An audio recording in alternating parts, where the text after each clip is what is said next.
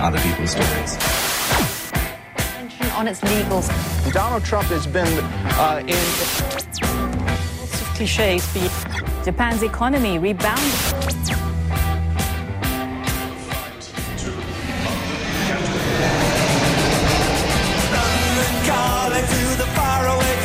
John Carlin, bon dia.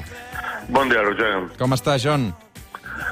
Bueno, bien, bien. Ando bastante perplejo con ese tema del, del coronavirus, pero mm, Anem enrere, eh, John? sí, no sé, sí, pero, pero no sé. Ahora, ¿por qué ahora solo recomiendan que nos quedemos en casa y no nos obligan?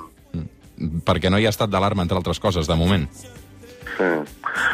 No sé, es que sigo, sigo casi tan perplejo eh, sobre todo este tema como cuando esto, esto empezó en marzo. Um, és a dir, què, què vols dir que estàs tan perplex? Per què?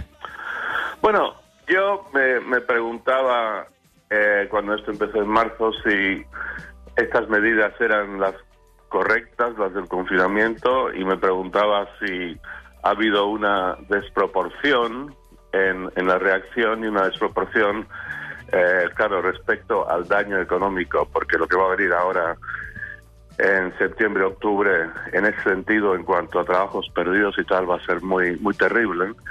Y, y todavía no, no lo tengo claro. Yo, yo he leído montones de artículos científicos y no científicos sobre esto.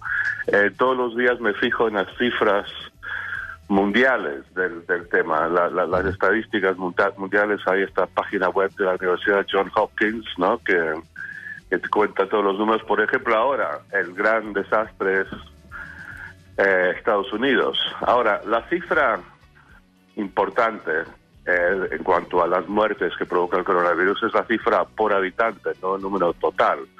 Ahora, Estados Unidos ahora es el gran desastre mundial, pero por habitante ha habido muchos más muertos en España que en Estados Unidos o que en Brasil, pese a que aquí se han, se han impuesto medidas bastante restrictivas o muy severas realmente.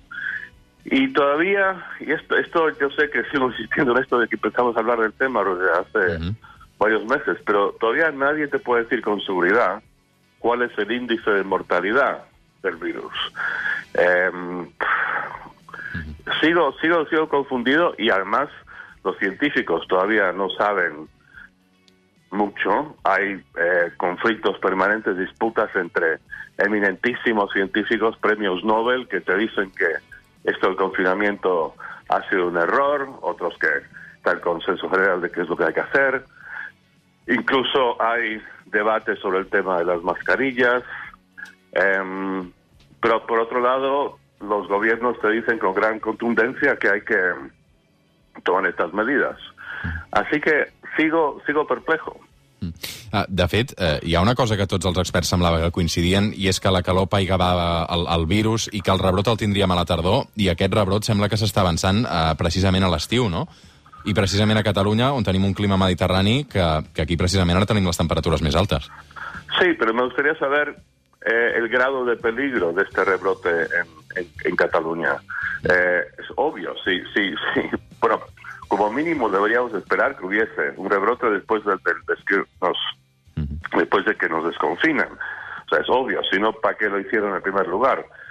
La cuestión es si estos números que estamos viendo ahora realmente corresponden a un peligro importante de, de, de muertes y de sufrimientos o, o no. Y yo todavía no lo sé y dudo mucho que haya mucha gente que lo tenga realmente claro. O sea, entiendo que la gente tome medidas eh, preventivas, eh, mejor cometer el error de exagerar que tener una terrible eh, una vuelta al número de muertos que hubo en abril, pero a mí no me han no me han explicado todavía, o sea, tengo que confiar.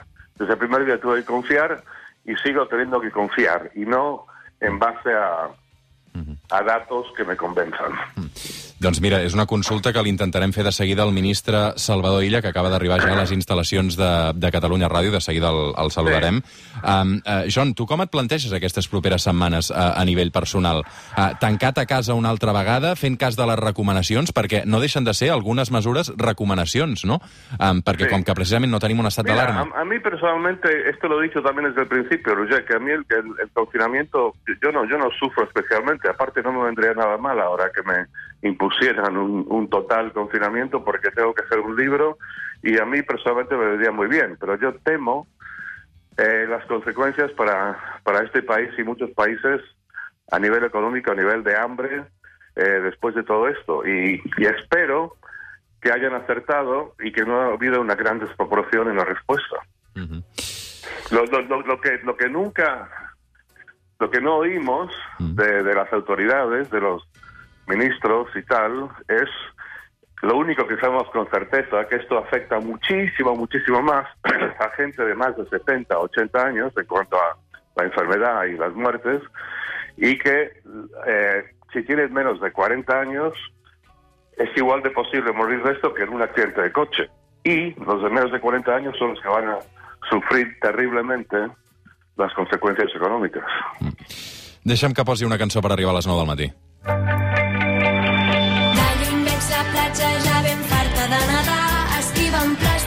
Jugant-me el coll i el braç. Vol entrar a les zones d'un mar blau que ara em fa por, ahir va ploure, que allà mor el besòs. Això que sona és Molts estius queden per viure, és de Ginestar, un dels grups catalans del moment, i és una de les cançons que aquest estiu eh, ressonaran, ja sigui tancats a casa o ja sigui anant a la platja, si els rebrots ho permeten. John Carlin, cuida't moltíssim. Ens retrobem al suplement a partir del setembre, una temporada més, tercera temporada ja de John Carlin al suplement de Catalunya Ràdio. Gràcies eh, per ser-hi sempre i per poder comptar amb tu, John. Eh, gracias a ti, Roger. Espero que estemos todos vivitos y coleando para seguir en septiembre. Sí, Segur que sí. Uh, una abraçada, John, que vagi bé. una abrazada. Chao.